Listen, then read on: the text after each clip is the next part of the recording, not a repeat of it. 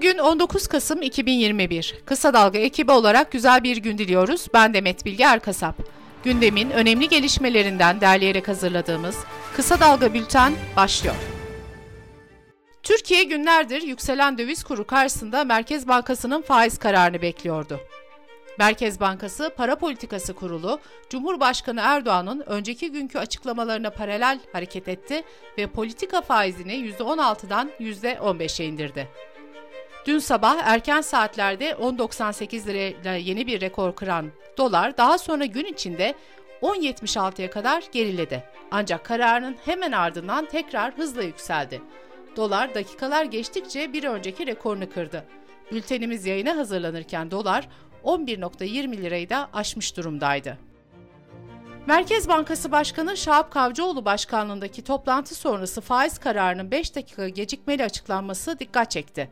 T24'ten Barış Soydan'a bilgi veren Merkez Bankası kaynakları ise bu gecikmenin tümüyle teknik sorundan kaynaklandığını, açıklamanın internet sitesine yüklenmesinde sorun yaşandığını, bunun da ilk kez gerçekleştiğini ifade ettiler.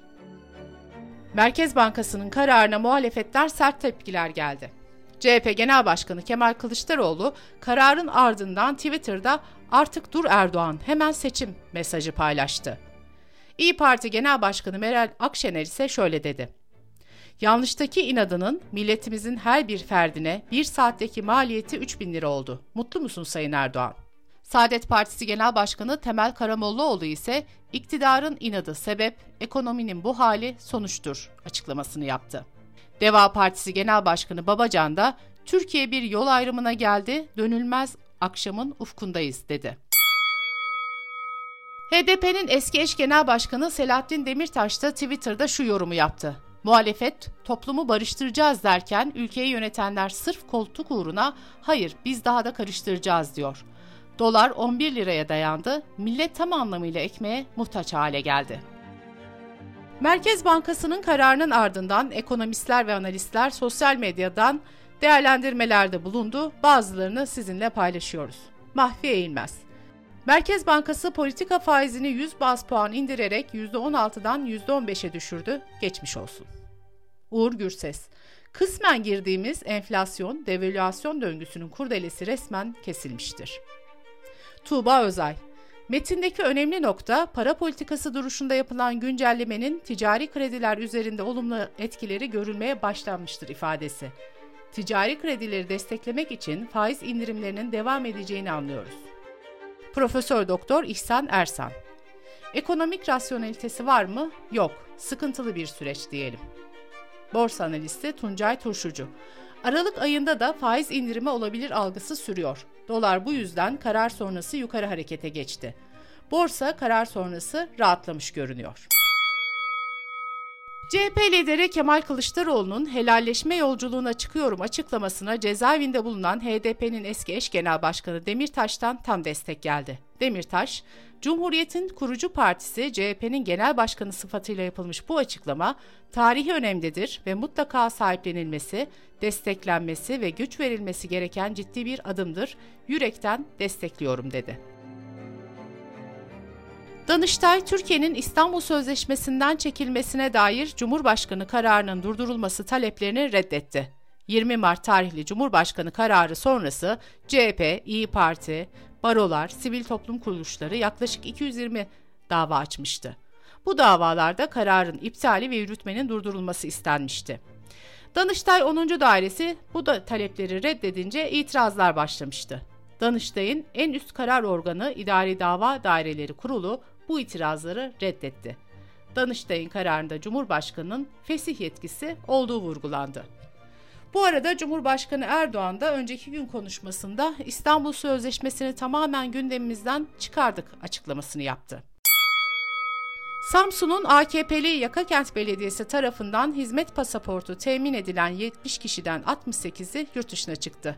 Giden 68 kişiden 63'ünün ise Türkiye'ye giriş yapmadığı ortaya çıktı. İçişleri Bakanı Süleyman Soylu, AKP'li Yakakent Belediye Başkanı Hüseyin Kıyma ve Belediye Başkan Yardımcısı Hüseyin Yiğit hakkında soruşturma izni verdi. İsrail Başbakanı Bennett İstanbul'da Çamlıca Kulesi'nden Cumhurbaşkanı Erdoğan'ın Üsküdar'daki konutunu görüntüledikleri iddiasıyla tutuklanan İsrailli çiftin serbest bırakıldığını açıkladı. Türkiye'de kuraklık ve yanlış sulama nedeniyle barajlardaki su seviyeleri giderek düşüyor. Bodrum'daki Mumcular Barajı'nın %91'i, Geyik Barajı'nda kullanılabilir su oranının %88'i, Bursa'da tarım arazilerine su sağlayan Gölbaşı Barajı'nın %70'i kurudu. Bodrum Belediye Başkanı Ahmet Aras, ciddi bir su kriziyle karşı karşıyayız dedi. Bursa Uludağ Üniversitesi'nden Fevzi Çakmak ise, Göletler dolmazsa çiftçi ciddi anlamda mağdur olacak. Daha az su isteyen ürünlerin ekilmesi gerekecek, bu da gelir kaybına yol açacak uyarısında bulundu. Bültenimize ekonomiden diğer gelişmelerle devam ediyoruz. Hazine ve Maliye Bakanlığı'nın Türk parası kıymetini koruma hakkındaki tebliğinde yaptığı değişiklikle hazine işlem limitlerini belirlemeye yetkili oldu. Döviz alım satımında kimlik tespitinin esnetilmesine ilişkin düzenleme içeren tebliğ resmi gazetede yayımlandı. Düzenlemeye göre sadece 100 dolar ve üzeri döviz işlemlerinde kimlik tespiti istenecek. İngiltere'de enflasyon Ekim ayında %4.2'ye ulaştı. Ülkede yaşam masrafları 10 yıldır görülmeyen bir hızla yükseldi. Ulusal İstatistik Ofisi'nin verilerine göre yalnızca enerji ve benzinde değil, ikinci el araba ve restoran fiyatlarında da artış yaşandı. İngiltere Merkez Bankası artan fiyatları durdurmak için önümüzdeki aylarda faiz arttırmak zorunda kalabileceğini söylüyor. Türk Klinik Mikrobiyoloji ve Enfeksiyon Hastalıkları Derneği salgının başından beri kullanılan Favipiravir ilacının yapılan bir çalışmaya göre etkisiz olduğunu duyurdu. Derneğin yönetim kurulu üyesi Profesör Doktor Önder Ergönül, ilaç etkili olsa Türkiye'de ölenlerin sayısı daha az olurdu. Covid-19 saptanır saptanmaz evlere bedava bırakılmasına rağmen ölüm oranı yüksek.